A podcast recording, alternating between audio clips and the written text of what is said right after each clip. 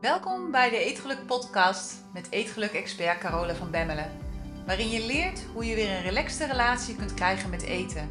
Door middel van het managen van je oerbrein. Zodat je voorgoed gaat stoppen met snoepen, snaaien, overeten en diëten. En weer trots bent op jezelf. Dag mooie vrouw, daar ben ik weer. Met weer een heerlijke nieuwe aflevering van de Eetgeluk podcast. Dus ga er maar even lekker voor zitten. Of doe je oortjes in en ga lekker naar buiten en een stuk lopen. Want ik weet dat heel veel vrouwen dat ook doen. Met mijn stem in hun oren uh, een rondje wandelen. Dus neem mij mee op de volgende wandeling. Ik hou van wandelen, dus uh, helemaal goed.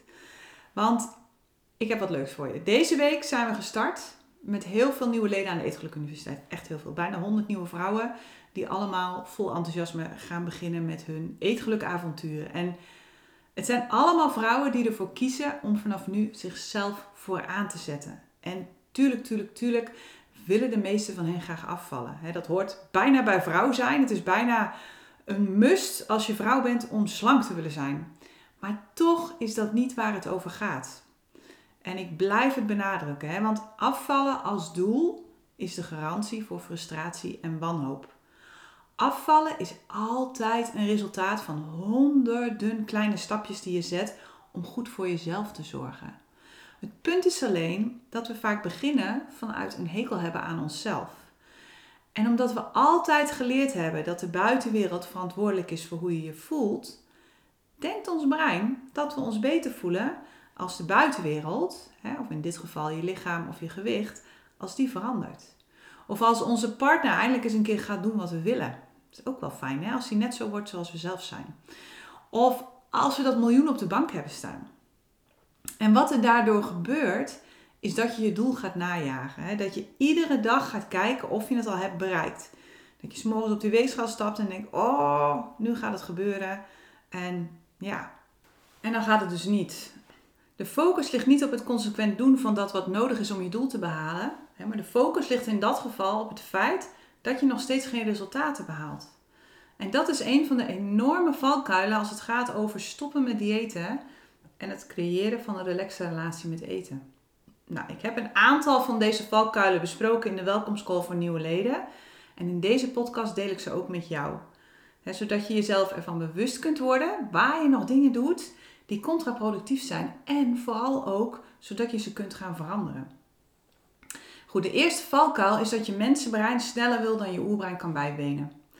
om weer een relaxte relatie met eten te krijgen, maar ook om weer echt zelf de leiding te nemen over jouw leven, op wat voor gebied dan ook, is het belangrijk dat je leert hoe je jouw mensenbrein kunt gebruiken om je oerbrein te sturen. En als je kijkt naar de werking van beide breinen, van je mensenbrein en van je oerbrein, dan kun je jouw mensenbrein het beste vergelijken met een rode Ferrari. Je hebt zo'n knalrode Ferrari die voor het stoplicht staat te ronken. Klaar om weg te spurten zo gauw het op groen springt. Liefst ook een eh, jonge bestuurder erin die al een beetje met zijn voet op het gaspedaal zit. Nou ja, je kunt je er wel een beeld bij maken, denk ik. En je oerbrein daarentegen, dat is een DAF. Zo'n lekkere, oude, ouderwetse DAF. En dat pruttelt lekker en dat heeft helemaal geen haast. En dat moet misschien ook eerst wel tien keer gechoked worden voordat het een keer start. En je kunt je voorstellen dat als die twee naast elkaar voor het rode stoplicht staan, wat er dan gebeurt. Die Ferrari die sprint weg. En die DAF, dat is uh, tranquilo, tranquilo. En die trekt heel rustig op en tuft heel relaxed verder. Goed, als je dit dus vertaalt naar je eetgedrag, dan zie je exact wat er verkeerd gaat. Hè? Zeker als je uitgaat van het gegeven dat we geleerd hebben dat de buitenwereld verantwoordelijk is voor hoe we ons voelen. want wat er gebeurt is het volgende. En dat herkennen we allemaal, denk ik wel. Je zit niet lekker in je vel. Vervolgens denk je dat dit komt door je gewicht. je kijkt in de spiegel en denkt, ja, als die buik nou eens wat dunner zou zijn, dan zou ik me toch veel lekkerder voelen. De gedachte vervolgens is, als ik slang ben, dan voel ik me beter. Of als die buik dunner is, dan ben ik mooier en dan ben ik blijer met mezelf, weet ik het. Wat er dan gebeurt is dat je op dieet gaat. Nou, vervolgens ga je gelijk all the way. Hè? Dat is die Ferrari. Die Ferrari denkt, goud met die banaan, gas op de plank. Want nu, uh, nu zitten we in de moed. Dus je gaat gelijk all the way. Want je denkt dat je dan het snelste resultaat bereikt. En dus ook het snelste lekker in je vel zit. Nou goed, de eerste dagen hou je nog volop wilskracht. Maar als je op een gegeven moment wat verder komt, dan wordt het erg lastig. En natuurlijk, als je veel wilskracht hebt en er gebeuren verder geen gekke dingen, dan hou je het misschien nog wat langer vol. Maar over het algemeen heeft wilskracht niet echt ja, de reputatie dat je het daar heel lang op kan doen. Nou, iedere dag ga je volgens op de weegschaal staan en wanneer het te lang duurt voordat je resultaat bereikt, haak je af. Tenminste, dat was wel hoe het bij mij altijd ging. En ik kan me zo voorstellen, en de verhalen die ik hoor en de vrouwen die ik spreek in de Eetgeluk Universiteit, gaat dat bij heel veel vrouwen op deze manier. En die twee weken, die heb ik maar één keer gehaald. Op een enorme bult met wilskracht. Want meestal was ik binnen twee dagen al af. dus zolang je denkt dat de buitenwereld verantwoordelijk is voor hoe je je voelt, ben je afhankelijk van die buitenwereld. Maar weet dat de buitenwereld altijd een weerspiegeling is van wat er in jou gebeurt. En dan met name van alle onbewuste overtuigingen en gedachten die leven in jou. je lichaam volgt altijd je brein. Nooit andersom. Je brein geeft een commando en je lichaam zegt: U roept wij draaien. dus wanneer je nu niet lekker in je vel zit, dan heeft dat helemaal niets te maken met je gewicht of met je gezondheid. En natuurlijk is het altijd goed om dat te managen. net zo goed als dat het goed is om je financiën te managen. Maar je geluk hangt er niet van af. hoe je je voelt, wordt eerst en vooral bepaald door de gedachten die je denkt. En de gedachten die je denkt, die worden gevormd vanuit de overtuigingen die leven in jou. Goed, terug naar de Ferrari en de DAF. Wanneer je je niet goed voelt, dan wil je oerbrein maar één ding. Namelijk dat je je zo snel mogelijk weer goed gaat voelen. Oerbrein is een heel simpel mechanisme. Hè? Die wil gewoon maar één ding. Die wil dat jij je goed voelt. Oké, wil ook dat je weinig energie verspilt. En dat je veilig bent. Dat zijn eigenlijk de drie dingen die je oerbrein wil. En het geeft daarom instructie aan je mensenbrein om het probleem op te lossen. En wam, de rode Ferrari spuurt weg. Die is meteen verdwenen. Op zoek naar de beste en de snelste oplossing die het kan vinden. Op zoek naar hoe het jou zo snel mogelijk uh, weer goed kan laten voelen. Nou, aangezien je geleerd hebt dat de buitenwereld verantwoordelijk is voor hoe je je voelt, denkt je mensenbrein dat daar de oplossing ligt. Dus komt het met de oplossing dieet. En wat er dan gebeurt is grappig, want je mensenbrein verzamelt als een malle informatie over het volgende dieet. Het volgende dieet waarin de belofte ligt van nou, nu gaat het probleem opgelost worden. En nu ben ik na een paar dagen ben ik 20 kilo slanker en dan kan ik eten wat ik allemaal wil. Nou goed, na een paar dagen heeft je mensenbrein uh, een soort van scriptie geschreven van minimaal 100 pagina's. Maar het punt is dat je oerbrein daar helemaal niet op zit te wachten. Je oerbrein wil gewoon easy does it. Dat wil gewoon in het tempo van die DAF, heel relaxed, eigenlijk iedere dag het liefste doen wat het altijd deed. Het is een oude dame. Het is een hele oude dame. En daar komt bij dat je oerbrein vooral reageert op wat je voelt. Terwijl je mensenbrein gericht is op informatie. Maar informatie alleen, dat voel je niet. Dus het luisteren naar deze podcast en het kijken naar allerlei video's en het lezen van een boek is totaal niet interessant voor je oerbrein. Dat interesseert je oerbrein geen zak. En weet je waarom? Omdat het dat niet voelt. Er zit geen emotie bij. Pas wanneer je dingen gaat toepassen en ervaren, dan pas wordt het interessant voor je oerbrein. En daar zit de crux. En nieuwe dingen doen en nieuwe dingen ontdekken, dat voelt helemaal niet comfortabel. Je moet mij hier af en toe eens zien stunten met mijn zweet niet comfortabel hoor. Kost heel veel energie. en zeker wanneer je haast hebt, omdat je denkt dat het nieuwe ding je probleem gaat oplossen. Omdat je denkt dat je eerst slank moet zijn voordat je weer lekker in je vel zit. dus wanneer je nu niet lekker in je vel zit en je denkt dat dit komt door je gewicht, dan zul je zo snel mogelijk willen afvallen. Omdat je denkt dat je je daarna beter gaat voelen. En daarom zijn crashdiëten zo verleidelijk. Ze beloven namelijk dat je snel beter in je vel zit. En we weten allemaal hoe dat uiteindelijk afloopt. Tenminste, ik ken niet heel veel successtories met blijvende resultaten. dus waar het om gaat is dat de Ferrari moet leren om het tempo van de DAF bij te houden. Die DAF die kan niet harder. Die Ferrari kan wel zachter. En die Ferrari kan best af en toe vooruitrijden, maar als je blijvende verandering wilt, dan zul je dat alleen bereiken als de DAF in je hoofd dat tempo ook kan bijhouden. Dus kleine stapjes. Je bent echt op pad met oma van 88. dus hou daar rekening mee. En onthoud ook alsjeblieft dat kennisvergaren superleuk is. Het is heel belonend voor je brein. Hè? Nieuwe kennis, nieuwe dingen doen. Maar het brengt je geen transformatie. Het enige dat je transformatie brengt is ervaring, is doen, is focussen op het proces dat nodig is om de persoon te worden die je dient te zijn om jouw doel naar je toe te trekken. Het is echt aan de bak en durven falen, iedere keer opnieuw op je bek durven gaan. Dat is wat die transformatie uiteindelijk brengt. Bang zijn, je kapot schamen voor dingen die verkeerd gaan, gefrustreerd zijn omdat je er niet achter komt hoe je het nou kunt doen. Daarmee ga je naar een transformatie toe. En om die reden is het eerste jaar aan de Eetgelijke Universiteit ook verplicht. commercieel gezien zou het vele malen verstandiger zijn om het jaar los te laten. Het zou vele malen verstandiger zijn om te zeggen: joh, spring er maar in. Als je niks vindt, dan ga maar weer. En ik denk, ik weet eigenlijk wel zeker dat ik dan tien keer zoveel leden zou hebben. Maar weet je, dat zijn allemaal Ferraris. Die informatie verzamelen en vervolgens weer heel hard wegrijden. En die verder niet veel doen met alles wat wordt aangeboden, omdat het te vluchtig is. En daarmee behaal je geen resultaat. En dat wil ik niet voor jou en ik wil het al helemaal niet voor mij. Ik wil daar mijn tijd niet aan verspillen. Dat is jammer van ieders tijd en van ieders geld, dus dat moet je helemaal niet willen. Je oerbrein heeft heel veel tijd en ruimte nodig om alle bullshit die je de afgelopen 20, 30, 40 jaar hebt vergaard over eten en diëten en gewicht, om dat los te laten. En het kost tijd, het kost heel veel tijd om je bewust te worden van alle overtuigingen en gedachten die je hebt over jouw eetgedrag. En om deze vervolgens te veranderen. Dat red je niet in een maand. En eigenlijk ook niet in een jaar. Maar een jaar is wel een hele goede start. dus kies daarom me first en geef jezelf alle tijd en ruimte om jouw doel te bereiken. Geef jezelf vijf jaar om jouw streefgewicht te bereiken. Doe dat gewoon. Weet je, op die manier creëer je de ruimte die nodig is voor het proces dat nodig is. En het proces dat nodig is, dat is het herstellen van de verbinding met jezelf. Goed, de tweede valkuil is een verkeerde waarom. En ik heb het er vaker over gehad. Hè? Het hebben van een goede waarom is heel belangrijk als je een doel wilt bereiken. Maar helaas, helaas, helaas, komen vrijwel alle waaroms vanuit een schaarste mindset. Wanneer je bijvoorbeeld de waarom hebt dat je af wilt vallen, dan geef je eigenlijk aan dat je dat nu niet hebt. En iedere dag dat je op de weegschaal staat zonder resultaat, dan bevestig je dat.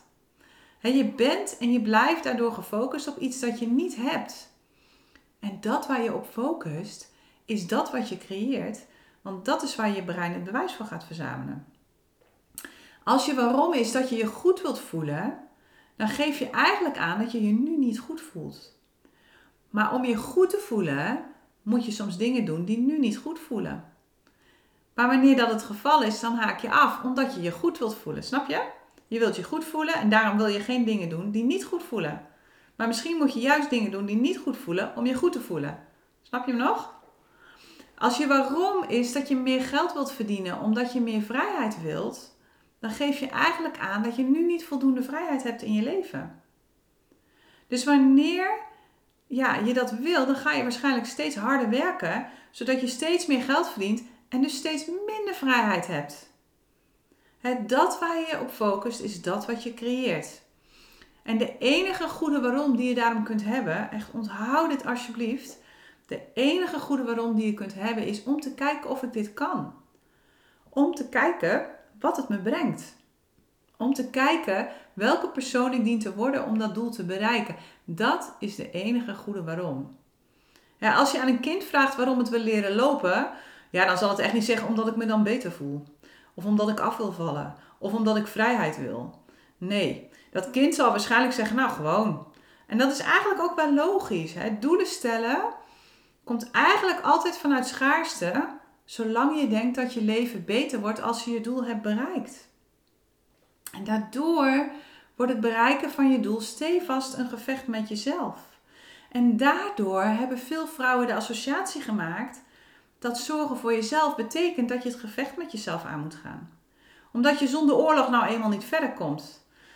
Nou, we zien allemaal wat er op dit moment gebeurt in de Oekraïne. Dus ik vraag me af of dit nou echt een hele handige zet is. Dus stel zeker een doel. Stel ook een groot doel voor jezelf. Maar doe het omdat je wilt kijken of je het kunt. En omdat je het interessant vindt wat het proces je gaat brengen. wie je dient te worden om je doel te kunnen ontvangen. Om je doel naar je toe te trekken. Want je hoeft je doel niet na te jagen. Als jij de persoon bent die jouw doel kan ontvangen, dan komt je doel naar jou toe. Ook nog zo'n leuke misvatting. En wanneer je dat doet, dan ga je heel bewust jouw leven creëren. En is het niet langer een strijd met jezelf, maar een ontdekkingsreis. dus kijk goed naar waarom je de dingen doet of niet doet. De derde valkuil die er is, dat is perfectie. Heel veel vrouwen die beginnen in de Eetgeluk Universiteit willen het graag meteen goed doen. En dat begint al bij de Eetgeluk Planner. Dat is altijd zo grappig. Ieder lid van de Eetgeluk Universiteit krijgt van mij namelijk een Eetgeluk Planner cadeau. En dat is een speciaal boek dat ik geschreven en ontwikkeld heb samen met de leden van de universiteit. zodat het ook echt hout snijdt en dat je er ook echt wat mee kan en dat het je ook echt helpt. En dat boek, die planner, dat is een belangrijk onderdeel van de universiteit. alles wat je erin, ja, wat je eigenlijk dagelijks nodig hebt om die transformatie van eeuwige diëten naar gelukkige eter te maken, die staat daarin. En tijdens de eerste maand aan de Unie leer ik nieuwe leden hoe ze die planner kunnen gebruiken. dus er zit een hele masterclass bij met hoe werkt dat nou en hoe haal je daar nou het meeste uit. En daarin, ja, daar wordt gelijk gewoon al heel veel duidelijk. Sommige vrouwen durven niet te beginnen met de planner, hè, uit angst dat ze fouten maken en dat dan die planner niet meer mooi is. Nou, andere vrouwen schrijven alleen met potlood. Er schijnen tegenwoordig ook uitgumbare pennen te zijn. Zodat ze eventuele incorrecte antwoorden, die overigens helemaal niet bestaan, maar goed, dat kan natuurlijk altijd in hun hoofd, kunnen uitgummen. Weer andere vrouwen schrijven eerst alles op een kladpapiertje en schrijven het dan over in de planner, zodat die netjes blijft. Oh, en dan hebben we ook nog de vrouwen die niet aan de planner beginnen. Omdat ze bang zijn dat ze het niet volhouden. En dat er dan dus lege pagina's tussen de beschreven pagina's komen te staan. Ja, dat kan natuurlijk echt niet. Hè? Hè, dus punt is, perfectie bestaat alleen maar in je brein. En perfectie komt vaak voort vanuit de enorme drang om de omgeving te controleren, omdat je bang bent voor afwijzing. Ja, als ik maar perfect ben, of als ik het maar perfect doe, als op mij maar niets aan te merken is, dan ben ik goed. En dan hoor ik erbij, dan kan ik van mezelf houden. Dan heb ik geen last van onverwachte emoties waarmee ik moet dealen. Maar de druk die je jezelf oplegt door alles perfect te willen doen, is onmenselijk. En die zorgt er eigenlijk op voorhand al voor dat je niet eens begint. want vanuit de angst voor afwijzing wijs je jezelf al op voorhand af. Want wanneer is iets perfect? En wanneer ben jij perfect? perfectie heeft alles te maken met de angst om te falen, met de angst om het verkeerd te doen, met de angst voor wat anderen ervan zullen vinden als je niet voldoet aan de normen die je voor jezelf hebt gesteld.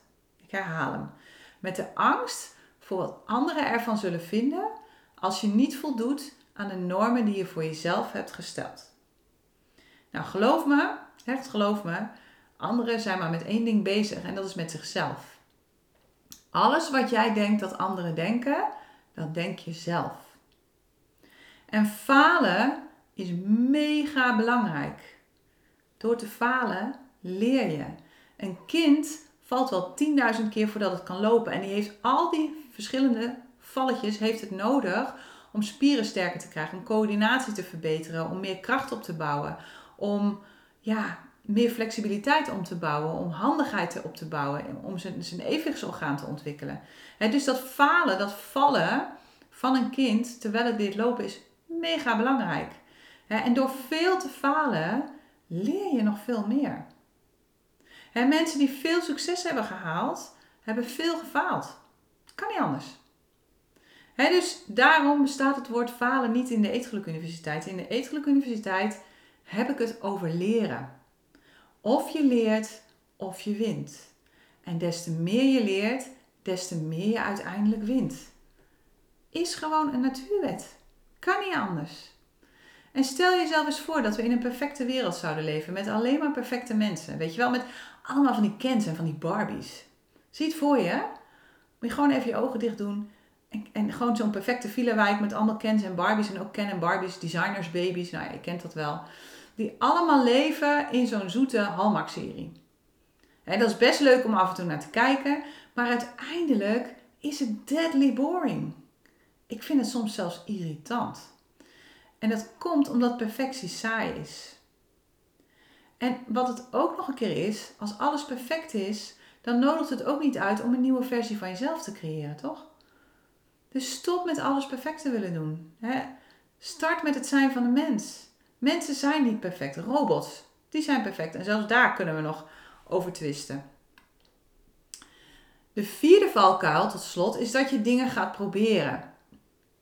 Nou, ik heb daar natuurlijk al een hele podcast over opgenomen. Volgens mij is het de podcast over Het Lukt Niet. Dus mocht je daar meer over willen weten, dan moet je de podcast met als titel Het Lukt Niet gaan luisteren. Dan krijg je waarschijnlijk nog wel wat eh, tips in die richting. dus ik ga daar ook niet al te lang op in in deze podcast. Maar wat ik nog wel wil benoemen is dat wanneer je in de valkuil van proberen stapt, dat je er helemaal niet voor gaat. En dat je dan dus ook niet de resultaten krijgt die je wilt. want wanneer je namelijk iets probeert, dan laat je de achterdeur open voor je brein om weg te rennen zodra het ingewikkeld wordt. proberen zet eigenlijk je chicken exit open, zoals de Amerikanen dat dan zeggen. of je doet iets, of je doet het niet. Maar proberen bestaat niet. In de natuur zie je echt geen boom die probeert te groeien. Nee, die boom die groeit of die boom die gaat dood. En zo is het ook met de dingen die je doet. Je doet ze of je doet ze niet. proberen is de garantie voor mislukking. Wees daarom ook heel kritisch naar de dingen die je wilt doen. Want vaak gaan we allerlei dingen doen die we eigenlijk helemaal niet willen doen. En dan zeggen we voor de beleefdheid, ja we proberen het wel. Maar eigenlijk wil je ze helemaal niet doen, dus doe ze dan gewoon niet. Doe alleen die dingen die je echt wil doen. En ga daar volledig voor. geef dat tijd en ruimte.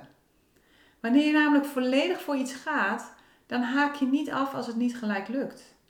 Maar dan ga je net zo lang zoeken naar een weg die werkt voor jou, totdat je hem hebt gevonden. Oké? Goed. Dan was het weer voor vandaag. Neem deze valkuilen mee bij alles wat je wilt bereiken in je leven. Hè? Dit gaat echt niet alleen over eten. Dit gaat over eigenlijk wat voor doel je dan ook wil bereiken in je leven. En wees niet boos op jezelf als je merkt dat je er toch weer met ogen ogen bent ingetuimeld. Gebeurt mij ook nog regelmatig. Onthoud of je wint of je leert. Oké, hele fijne week voor jou. En ja, geef de podcast vooral door aan andere mensen als je hier veel aan hebt gehad. Maar dat gebeurt gelukkig al heel goed. Dus uh, wij spreken elkaar volgende week weer. Tot dan. Hey, als je het fijn vond om naar deze podcast te luisteren, kijk dan eens naar de Eetgeluk Universiteit. Dit is de Netflix op het gebied van eetgedrag, waarin ik dieper inga op alles dat ik deel in deze podcast. En waarin ik je leer hoe je dit kunt toepassen in jouw leven. En misschien wel het allerbelangrijkste, op jouw eetgedrag. Je vindt alle informatie op degelukkigeeter.nl. Het lijkt me super om jou daar te zien. Tot daar.